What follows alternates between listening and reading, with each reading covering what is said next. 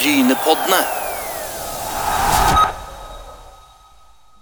Da ønsker jeg hjertelig velkommen til nok en Brynepod. eh, En podkast som går litt dypere. Og eh, i løpet av denne episoden, Asker, så skal vi ha en gjest som har hatt Som har fulgt litt. Vi har fulgt uh, mannen siden nyttår, holdt jeg på å si, og det er jo selvfølgelig Tord Gudmestad. Og han er i uh, øyeblikket dere hører på dette, nede i Australia mellom koalabjørner, kenguruer og dingoer, og gjør seg klar til start i VM U23. Og det blir eh, spennende. Det løpet går da i morgen på fredag. Men hvis vi skal være litt sånn djevelens advokat, Asker eh, Vi må høre med Tord. eh, tror du han er fornøyd med, med sesongen så, så langt? Det har jo gått litt opp og ned. Ja, det har gått litt opp og ned. Eh, Kanonstart. Og da trodde vi jo vi hadde skutt gullfuglen, for han vant jo det første løpet som, som vi skulle snakke med han eh, om. Og siden den gang så har det jo vært eh, diverse ting som heter covid, eh, influensa og videre. Så nå håper vi jo han er tilbake i slag og kan hevde seg i VM. Vi må høre litt hvordan dette VM ser ut. Brynepoddene. Tord Gudmestad On Tour presenteres i samarbeid med ECS. Teknologi for fremtidens automatisering. Ja, Tord. eh, det har gått litt opp og ned. Eh, Hva syns du sjøl så langt?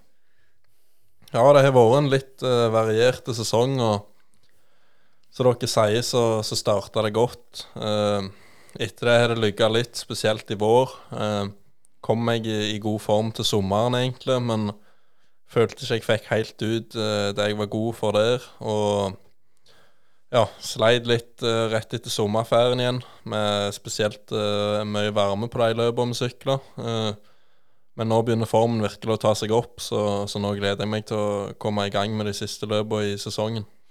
Eh, Du Asker, du er jo god på disse landene, og du, nå husker jo ikke tid sist vi hadde oppdatering hvilke land han skulle til, men, men eh, flere byer i Belgia, sier jeg. Ja, det var iallfall i i Frankrike, og du kan jo si noen ord eh, om eh, det siste løpet, for da var du med i tet, men du var vel opptrekker på det ene iallfall.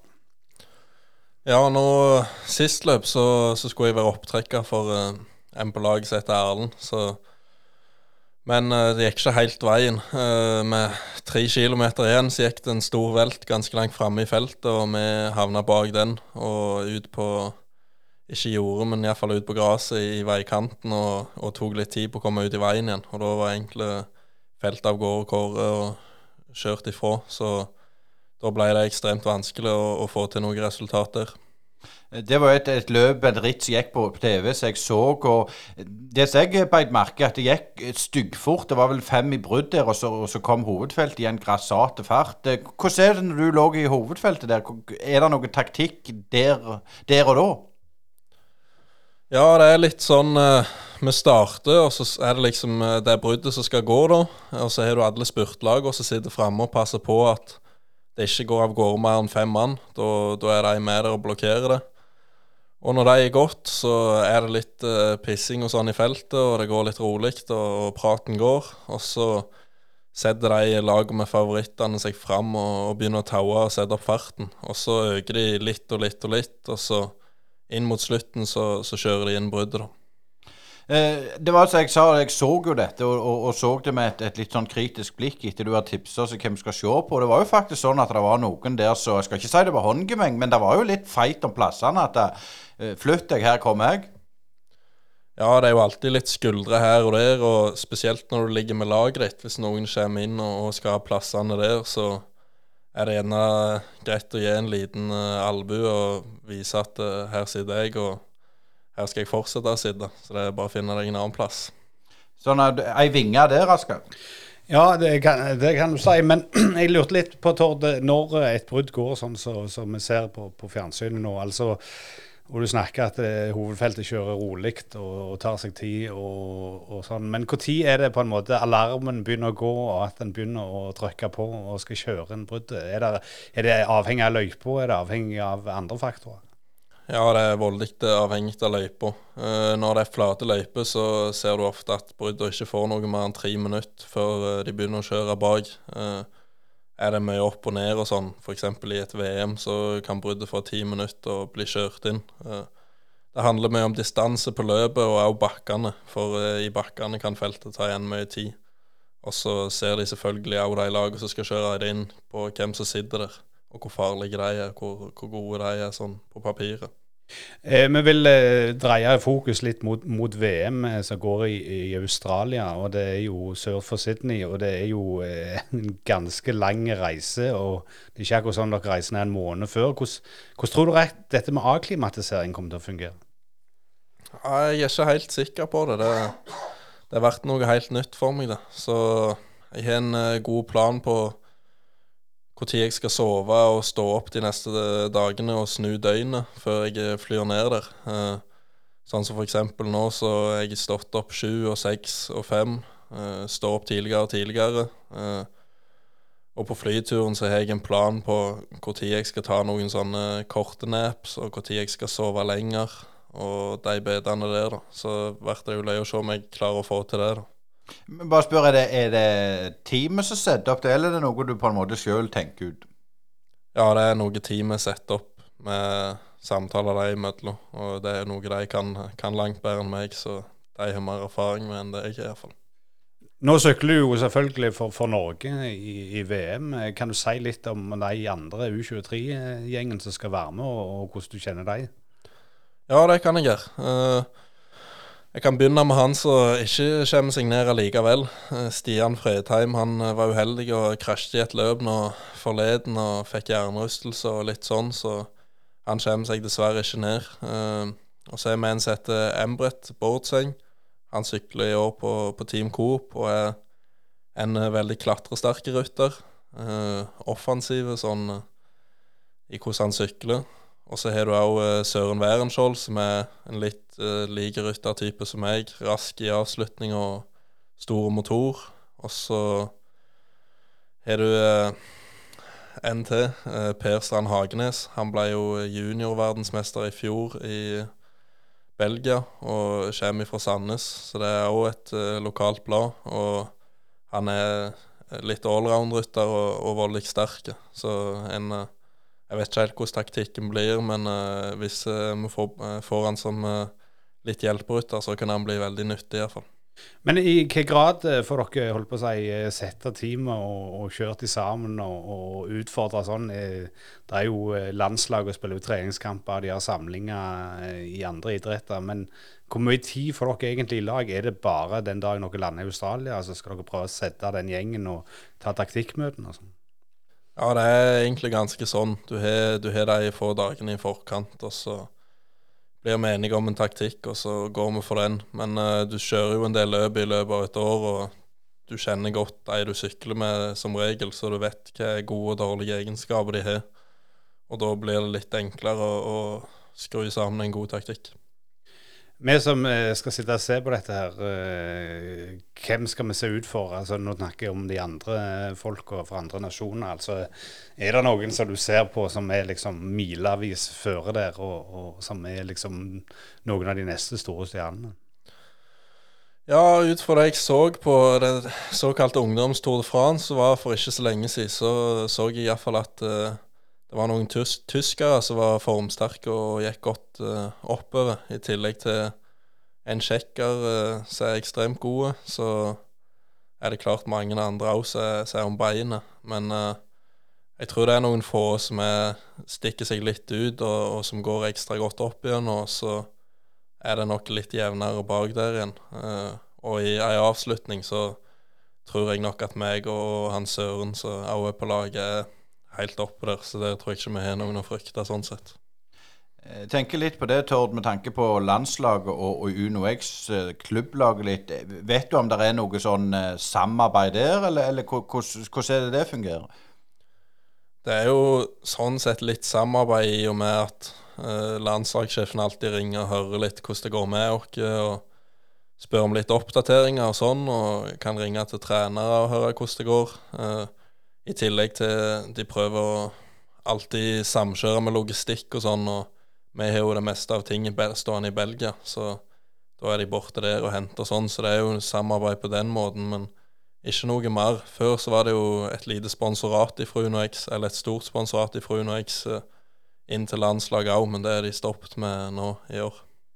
Eh, Dette med, med, eh, med landslaget når du kommer der fra Uno X, føler du det er store forskjeller, eller er Uno X mer profesjonell? Jeg, jeg, jeg, jeg ber deg ikke om å snakke ned landslaget, altså, men, men er det en forskjell?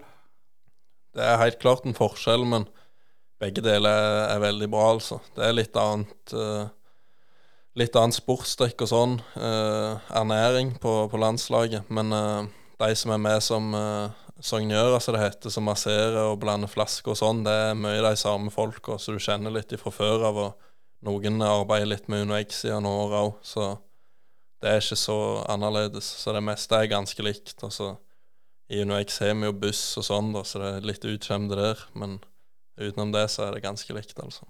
Ja, skal dere saftblander, det er viktig. Det er veldig viktig å ha den rette safta. XLN er det vel slutt på. Altså, vi må tenke litt eh, rundt eh, løypetraseen, Tord. Eh, I forkant altså, snakket vi bitte litt om dette her. Og, og det er ei løype som ikke er en klassisk Tord Gudmestad-løype, er det ikke så? Ja, det er vel litt sånn eh, Det er løype jeg godt kan like hvis jeg er i god form og det på en måte går litt min vei underveis, så, så kan det passe godt. Det er jo ei rundløype vi sykler ti ganger. Uh, en ganske hard bakke inni der. Så, så skjer vi hver runde. Uh, rundt uh, en kilometer på 9% så det kommer til å bite godt. Men eh, jeg tror hvis eh, vi får uh, iallfall første halvdel litt billig, så klarer jeg å bite godt ifra meg fem ganger opp. Så ja, formen er god nå iallfall, og hvis det går litt min vei, så håper jeg at jeg kan være der. Eh, Jeg tror det blir vanskelig hvis tre mann f.eks. stikker av gårde de tre beste oppover, men jeg håper å være i den, den store gruppa rett bak, så gjerne forhåpentligvis kan kjøre inn de, de første over bakken, da.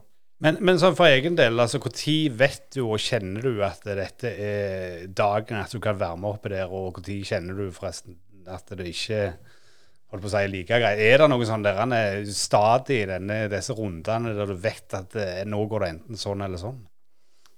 Ja, du kan jo av og til kjenne at uh, dette kommer ikke til å gå, iallfall. Uh, men så lenge du er i trua og sånn, så, så kan det jo snu. Uh, hvis det plutselig er ganske rolig i seks runder, men tempoet plutselig skrus opp noe aldeles, så kan det jo fortsatt bli litt for tøft. Så det er alltid litt vanskelig å si, men uh, hvis du har en god feeling og sånn, så er det alltid en fordel. Og så er det jo òg mye ting som spiller inn med hvordan du klarer å plassere deg inn i bakken og sånn. Litt sånn jeg håper å gå fram, er jo å plassere meg langt framme inn i bunnen av bakken hver runde, og så skli tilbake gjerne en 15-20 posisjoner, og så renner det inn igjen i, i nedoverbakken.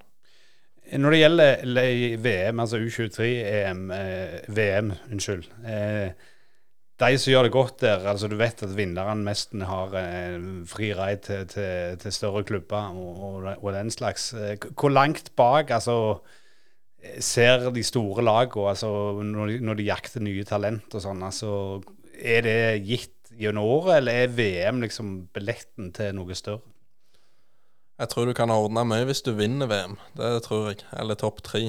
Da trenger du ikke ha gjort så mye annet før, vil jeg tro. Men eh, hvis du er rundt det der topp 20-sjiktet, så eh, krever det jo at du har hatt en eh, jevnt god sesong før det, eh, vil jeg påstå. Og hvis du har det, så er det gode muligheter til å få ordna seg et eller annet. Men det er kanskje de aller, aller beste som får et sånn bra tilbud og, og sånn, da. Jeg tenker litt eh, Det er jo et lagspill, dette her, som jeg sier. Det er en idrett som er individuelle, men, men det er viktig med teamet. teamet. Vet du på forhånd hvilken rolle du får under, under VM? Jeg er ikke helt sikker, men jeg regner nok med at uh, det er litt sånn opp til hver enkelt òg. Og at jeg bare skal sitte der og prøve å henge med. Uh, er jo, jeg er jo en spurter, så hvis jeg skal få brukt uh, egenskapene mine, så krever jo det at, at jeg får muligheten til å prøve å henge med òg. Hvis ikke, så kunne de jo gjerne sendt Altså, da kunne de jo sendt hvem som helst for å, såde og taue på en måte. Det er jo ikke der jeg er sterkest. Eh, Vi vet jo fra seniornivå litt tidligere at det har vært litt sånn uh, uenighet om hvem som skal være kaptein, og hvem som skal, en skal kjøre for osv. Har dere de utfordringene på U23 år òg, eller føler du at det, dere klarer å samles om en mann eller to? Ja, jeg tror nok det skal gå fint å, å få samla det. Og ofte så går det an å på en måte ta det ned litt til litt forskjellige interesser. Du har noen som gjerne er gode i bakkene, som får sin mulighet til å prøve å henge med der. Hvis de klarer det, så gjør de det. Og hvis de ikke klarer det, så, så hjelper de oss andre. Så det er litt sånn Du får din sjanse fram til du ikke har den lenger, og så, så hjelper du deg seg igjen. Nå vet vi at Australia har en annen tidssone enn Norge. Det, det har Raska fortalt meg. Så er det òg vår der nede. Er det en fordel for, for deg som er vant til litt kjøligere klima, tror du? Det er en ekstremt stor fordel. Hadde det vært 40 grader og sommer der borte, så tror jeg mest ikke det hadde vært vits i at jeg hadde reist ned, for da hadde det blitt altfor varmt. Så det er en fordel for meg, og det, ja, det kommer til å gjøre godt at det ikke er så varmt. Det, du skulle sykle der, Asker. Du, du liker det òg varmt? Ja, jeg liker det godt og varmt. Før jeg havna tilbake i studio, så så jeg i 43 grader noen uker, så det er jo greit grei, temperatur. Men jeg hadde ikke akkurat uh, eh, av gårde i 170 km med sykkel for det. Men uh, kan vi tenke litt på, på, dette med Australia? Altså, de fleste rutterne kommer jo fra Europa og skal så langt av gårde. Eh, vet du noe om de lokale rutterne, altså australienerne sjøl? Altså, kommer de til å dra noen fordeler, at de slipper den der lange reisa? Nei, det tror jeg ikke. For at, uh, de australienerne bor i, i, Europa så å si hele sesongen, uh, har jeg inntrykk av å sykle løp her. Så de eneste løpene som er i Australia, er vel uh, tidlig, tidlig på, på våren, i januar-februar. Og utenom det så, så, foregår det i Europa. Så jeg tror ikke de henter noe på det. Det eneste er at de gjerne er litt mer vant med å, å, snu døgnet og sånn, da. Men det, det, tror jeg skal gå godt. Det er nok mer en utfordring eh, økonomisk for, for de forskjellige landene som skal reise ned. Eh, hvordan ligger det an holdt jeg på å si, med sykkelsporten i Norge? Du, du nevnte jo her eh, landslaget og og felles opplegg tidligere, litt mindre nå. altså og så har vi jo hatt en del i avisen nå om en mulig nedleggelse av eh, Coop-teamet. Så det er, det er, jo ikke akkurat sånn at det er flust med kontinentalteamet lenger i Norge. Har du noen tanker rundt det? Ja, det er jo noe du tenker litt på. Sykler, jeg sykler mye med de eh, fra Team Coop på trening og sånn, så det er klart. Det er jo ganske nærliggende. Og jeg sykla der i fjor sjøl, så ja, det er ikke vanskelig å tenke seg til at det er en ganske lei situasjon for norsk sykkelsport. Det går ganske godt unna ifra, men uh, hvis de rytterne som kommer opp ifra juniorklassene uh, skal få et uh, godt nok tilbud til å utvikle seg videre, så er det viktig å, å ha et eh, lag på kontinentalnivå som kan ta dem med på de løpene de trenger å sykle for, for å utvikle seg og, og få kjent på det. Per nå så er det jo litt sånn 50-50 om, om, om, det kommer til å være et lag videre eller ikke. Men hvordan vil det virke inn på, på, hverdagen din, altså de som eventuelt ikke har noe å gå til med den treningsgjengen dere har? For det er jo ganske mange av de som er i coop-miljøet. Altså, blir dere plutselig bare to-tre igjen der som skal trene i lag? Nei, vi, vi, kommer fortsatt til å være en ganske god gjeng, altså. Men uh, sånn det har vært i år, så er jo alle Coop-rytterne bodd i Stavanger-området. Og det er jeg usikker på om de kommer til å fortsette med, uansett om laget står. Så litt mindre treningsmiljø kan det nok være at det blir. Eh, men det er mange eh, gode unge som er på vei opp og fram, som er nede i allerede 15-16 og også junior. Så ja, jeg regner jo med de kommer til å begynne å trene mer og mer med oss òg på sikt. Hvordan er dette? Vi snakker om Team Coop. Vi vet ikke helt om de fortsetter, men plutselig så dukker det et nytt lag opp. Det er jo alltid sånn. Eh, det virker jo sånn allikevel at, at det er et bra miljø, selv om gjerne Altså, I idrett og lagidrett så, så, skifter du ikke klubb, men her er det jo sånn at lag blir lagt ned og lag eh, kommer. Hvordan er det å være rytter oppi der, med tanke på det å være eh, klubbspiller. Sant? Du skal være lojal og sånn. og sånn. Hvordan er det i sykkelsporten? altså For din egen del, er, er, det viktig å være lojal? For min egen del så er det viktig å være lojal. og Det er heller ikke noe vanskelig å være, siden jeg har en treårskontrakt og har en ganske sikker framtid, iallfall de neste åra. Det er mye verre for de på, på Team Coop f.eks., som vet at nå skal laget legges ned snart hvis jeg skal videre, så må jeg få noen resultat på de neste løpene. Eh, det er ikke sikkert det er planen at jeg skal kjøre for resultat, men jeg må prøve å få det til. Så da er det jo enten å, å være lojal og hjelpe noen andre, og så få gjerne de proffkontrakten, eller så kan du ikke være lojal og prøve å gå for deg sjøl. Men jeg vil nok si at det gjerne var noen av styrkene vi hadde i Coop i fjor, at i plassen for å på en måte gå for det litt alle mann eh, sjøl hver gang, så bytta vi litt mer på det, og så fikk vi heller til at, uh, at mange forskjellige kunne vinne, da, i plassen for at det ble eh, halvveis mange ganger. Eh, ja, Asgeir, han har jo fått en ny, ny kompis på laget òg, som jeg sa, for, for, men vi har ikke spurt han om det, så det, det ble jo òg spennende. Ja, det har han. Alexander Kristoff har jo signert for Uno X, og det er jo en mann du kjenner veldig godt. Eh, går jo mest til vår faren, men eh, kan du si noe om eh, hvordan du ser på det i forhold til neste år? For det, det, bryter jo litt med det som var tanken med UnoX for noen år siden, at det skulle være et, et sånn lag en satsa på de litt yngre. Og Kristoff er jo ikke der. Ja, det kan du si, men uh, jeg tror det, det, kommer nok til å gjøre ekstremt godt å få inn en med rutine så kan gamet så godt som han, og ja, vet hvordan alle ting foregår, og, og kjenner alle triks i boka. Så ja, jeg tror det blir godt å få inn han, altså. Og det er klart, Uno X er jo ut med høye ambisjoner om hvor de vil hen med satsinga, og da tror jeg nok de òg ser mer og mer at hvis, hvis, vi skal komme der, så må det noen store investeringer til i, i gode ryttere. Det er ikke bare å, og knipse, og så er du der. Så det, det er en prosess som tar tid, og det krever òg at du har en del erfaring i laget. Uh, Jens Haugland er jo uh, sjef for team uh, Nei, Juno X, så han skal vi få, få i tale i poden på, på, et litt senere tidspunkt. Men, men, for din egen del, Tord, du er jo selvfølgelig programforplikta å si at det, det, det, er kult Kristoff kommer, men, men, sånn sett er det vel en, en, en konkurrent òg? Ja, både ja og nei. Det, jeg tror nok jeg skal få mine sjanser. Vi sykler så mange løp og sånn, så det er bare å være tålmodig i det eh, og prøve å hjelpe han så godt som mulig når han er med. Eh, jeg tror det er ekstremt mye læring i å hjelpe en som kan, kan det så godt òg. For det, da kan han fortelle meg litt hvordan jeg må gjøre, og, og gi litt tips her og der. Så kan jeg òg bli en bedre rytter gjennom det, da.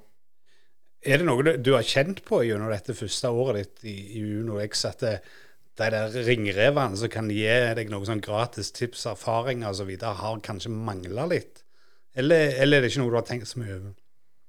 Ja, Det er nok ikke noe jeg har tenkt så mye over, men det er samtidig noe jeg kan se stor verdi i eh, neste år så, og året framover. Så ja. Jeg tenker litt, Nå er det jo VM. Eh, etter, etter det så kommer du jo hjem, selvfølgelig. Hvordan er sesongen videre da? Nei, Sånn det er nå, så står jeg oppført på tre løp til etter VM i Frankrike. Uh, Siste er vel 9. Eh, oktober, og så, så, er det stopp.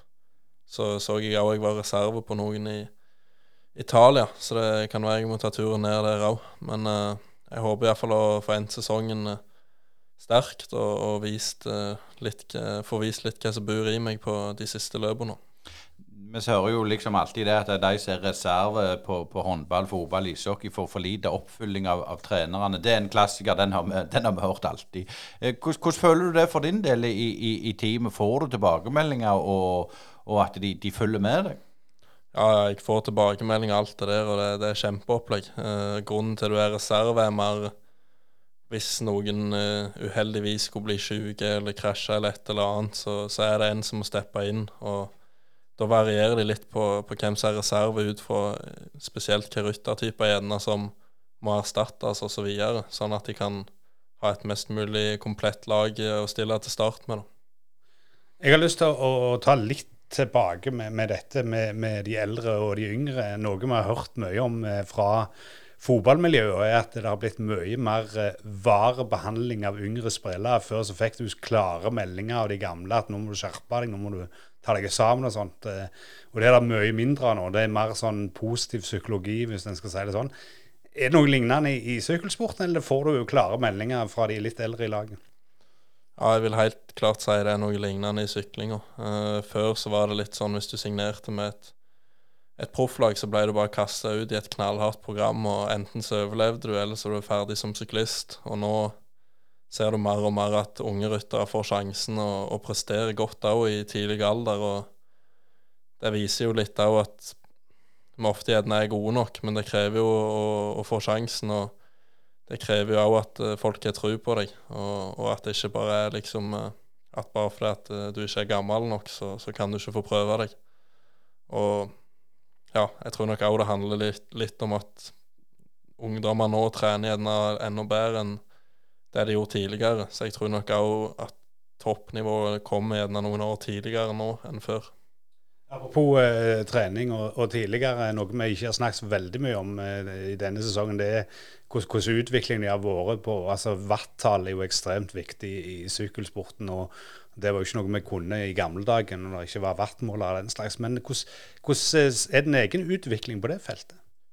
Nei, det har vært egentlig ganske bra. Eh, jeg har hatt uh, jevn og god progresjon fra jeg var ja, 13-14 år og, og, til nå. Uh, jeg har kanskje stoppet bitte litt opp i år med den sykdommen og det som har vært, det er jo sånn som er viktig å unngå hvis du skal ha god, god framgang. Da må du ha den kontinuiteten. Men jeg syns med den formen jeg er i nå, at jeg kan se at når jeg er på topp nå i år, så har jeg vært bedre enn det jeg var på, på, det beste i fjor. Så det er små, små framskritt, og det er jo mye det det handler om, jo bedre du blir. At du må ta de, de små stegene du kan. og du kan ikke forvente å være bedre til, til alle årets tider. Det, det, er litt når du legger inn formen, så, så, kan du gjerne være bedre, men jevnt over så går det jo mye i de samme tallene, for å si det sånn. da.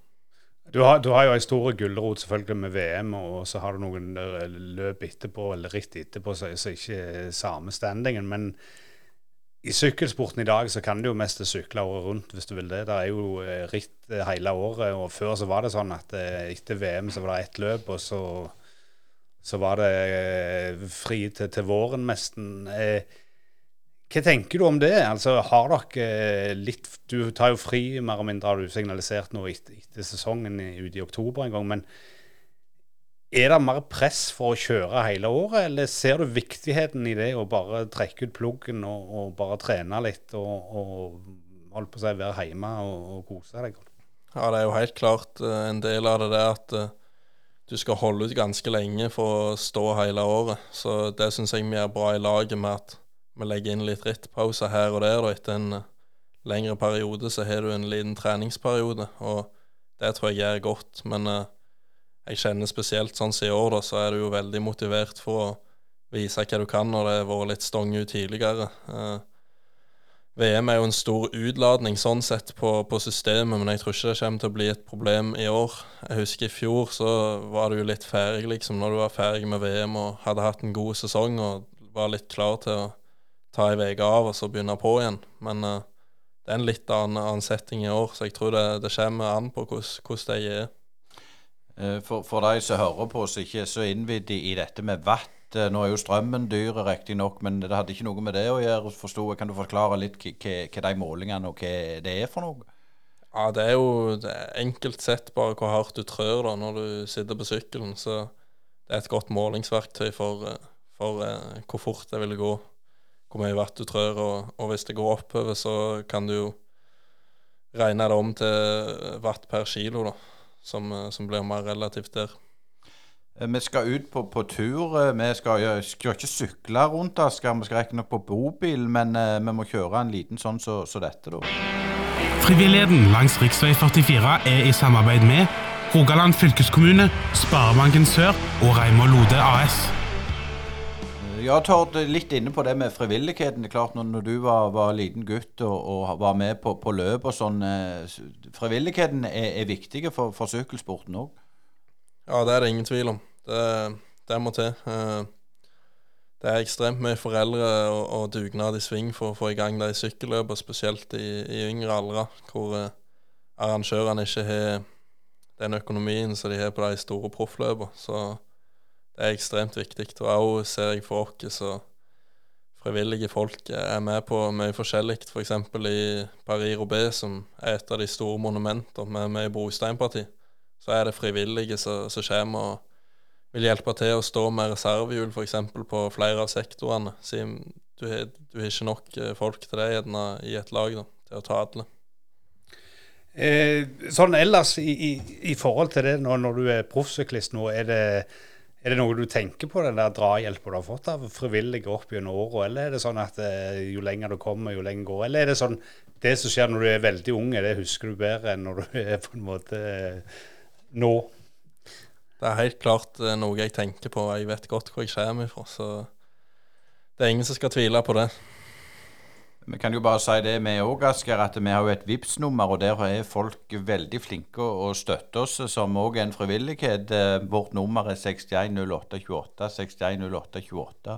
Og uten den støtten der, Asker, så hadde ikke vi hatt podkast, så vi må jo bare være ydmyke og si tusen, tusen hjertelig takk. Eh, Og frivilligheten, den skal vi hylle litt når vi skal på, på jul, eh, og det blir stas, det. Det blir voldelig stas, og vi skal jo eh, dras gjennom holdt jeg på å si, eh, over den, og, og helt opp til Stavanger, så det blir veldig spennende. Så hadde ikke det vært for at eh, Tord skal skal gå til Australia, så kunne han sykle etter. Han hadde sikkert klart å holde følge med den der bobilen. Ja, og det, det må vi jo si. Hvis folk ser bobilen der står Brynepoddene på, så må de tute og gjøre seg til kjenne. Og Tord, jeg tror du hadde, jeg tror du hadde sykla ifra oss. Ja, jeg er litt i tvil, jeg er litt i tvil. Men hvis jeg hadde fått ligget rett i dragsuget der, så kunne jeg nok hengt opp med. Men, men litt sånn tilbake til det løpet du sier. Dere var uheldige og velta eh, noen kilometer før, før, eh, før mål der. Og, på, på, det, og det gikk jo styggfort når jeg så det på fjernsyn. Jeg tror Pitle, men det var ikke oppe i 70. Det, hva går gjennom skallen din når du, når du ligger i det der eh, vanvittige tempoet der? Nei, det er jo mye spenning og adrenalin. Du, det er litt spesielt, for du går eh, ekstremt inn i bobla og er rett og slett bare ekstremt konsentrert. Samtidig så er du en nerve i høyspenn, så ja, det er en litt spesiell følelse, men det, det, jeg liker, det er mye jeg liker med det. Men, men akkurat sånn eh, med tanke på, på, på velt og den slags, det har jo vært noen forferdelige velt av og til, og det ser jo mer av og til òg mer eh, heise ut enn det det egentlig er. Men når du klart når du har skrubbsår opp eh, fra, fra tåna til, til nesen omtrent, så ser det ikke godt ut. Men som rytter, er det holdt på å si, velt som, som, som gir deg en slags frykt? Eller er det stort sett det at du kommer deg på sykkel igjen og på en måte får bearbeidet det umiddelbart? Ja, det er noen velt som kan sette litt uh, støkk i deg. Spesielt sånn hvis du er på f.eks. trening, treningsleir, sånne type ting, og du kjører gjerne en utforbakke, og du kjører så fort i, i svingen at dekka sklir ut, så er det litt sånn Da trenger du gjerne litt tid på deg til å, å bli trygg på utstyret igjen og, og den beden der, men hvis du bare vel, er en velt inn i feltet, så ja, det er aldri bedre på meg noe, iallfall, for da er det ofte ikke din egen feil. Da er det noe du ikke får gjort stort med, liksom, annet enn å, enn å bremse det du kan.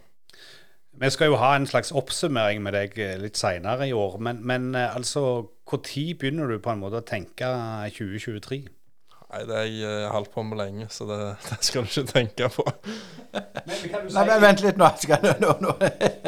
Eh, Du skal få lov å, å stille spørsmålet til slutt, Asker. Men jeg tenkte det Dette VM-et, hva er det konkrete målet ditt der? Jeg syns det er så vanskelig å si. Og det, det er litt sånn når du skal sette sesongmål òg, at eh, det er veldig fort å bli skuffa hvis du finner ett løp og har mål om å vinne det. Så skal det ekstremt mye til å få til. Det er, målet mitt har hele veien vært å kjørt jevnt godt, men uh, det er klart hvis jeg først er der nede og sånn, så hvis jeg først henger med, og, og det er samla, så eh, håper jeg å vinne. Og hvis jeg ikke henger med, så, så er det sånn det var denne gangen. Da var jeg ikke god nok. Så ja, jeg eh, har vel eh, noen sånne 50-50 forventninger. Eh, vi håper jo selvfølgelig på det beste, og kommer jo selvfølgelig til å ønske deg masse lykke til. Men er det noe sånn treningsmessig du kommer til å gjøre annerledes neste år, eller er det samme grad? Ja, jeg er litt eh, Jeg skal nok eh, komme fort i gang med styrken og virkelig jobbe for å ha en kanonspurt neste år. Så det er nok eh, en av tingene jeg kommer til å fokusere litt på. Uh, og så er det jo òg generelt å, å bygge motor videre, men uh, noen store endringer har vært det nok ikke, altså. Så blir det Australia, Øystein. Vi husker jo alle, ikke Tord, for han er altfor unge, men altså Crocodile Dundee og Linda Kowalski i badedrakten der, det er ikke noe vi glemmer så fort. er det det? Nei, det, det, det, gode, det er gode minner, det. Og nå får vi håpe at Tord eh, kommer med gode minner til oss. eh, Så tusen takk, Tord, for du stilte opp. Og masse lykke til på VM. Tusen takk. Brynepoddene. Tord Gudmestad on tour presenteres i samarbeid med ECS. Teknologi for fremtidens automatisering. Ja, når dette blir spilt av i din podkastavspiller, og Brynepodden er jo selvfølgelig en podkast som går litt dypere, og vi har holdt til siden 20 Ja, hvor lenge har vi holdt på nå, nå Asker? Det begynner å bli siden 2020, og er hver torsdag. Vi er røysta fra distriktet, som du liker å si, Asker. Ja, det er vi vitterlig, og vi prøver jo å balansere dette med litt ulike innslag. Og Tord er jo en som vi har hatt hele året. Og det nærmer seg slutten på sesongen, Øystein. Det gjør det, og as we speak så har uh, Tord reist til Australia og skal ha VM. Og det er jo en uh, som har vunnet VM tidligere òg. Det er der. Det er jo eh, noen nordmenn som har klart den bragden, og Tor Hushovd er en av de, og han vant en ganske spesiell plass. Ja, han vant i 2010, og vi får jo håpe at Tord eh, klarer brassene. Det hadde vært utrolig stas. Men eh, føler du at du ser litt endringer på, på, på Tord nå kontra sist gang vi snakket med han? Eh, Litt, kanskje litt mer ydmyke, og, og han sier jo det sjøl at det har ikke gått helt etter planen. Og, selvfølgelig han var litt mer i angrepsposisjon i, i starten av året, i januar, når han kom fra Tyrkia hadde vunnet sitt første løp. og Det så jo unektelig godt ut, men så er det jo dette med, med denne coviden som spiller inn, og det har spilt inn på flere av lagene dette året, så vi får håpe at eh, sånne ting er iallfall lagt bak de, Og Tor Hushovd, bare nevne, han vant jo òg i Australia.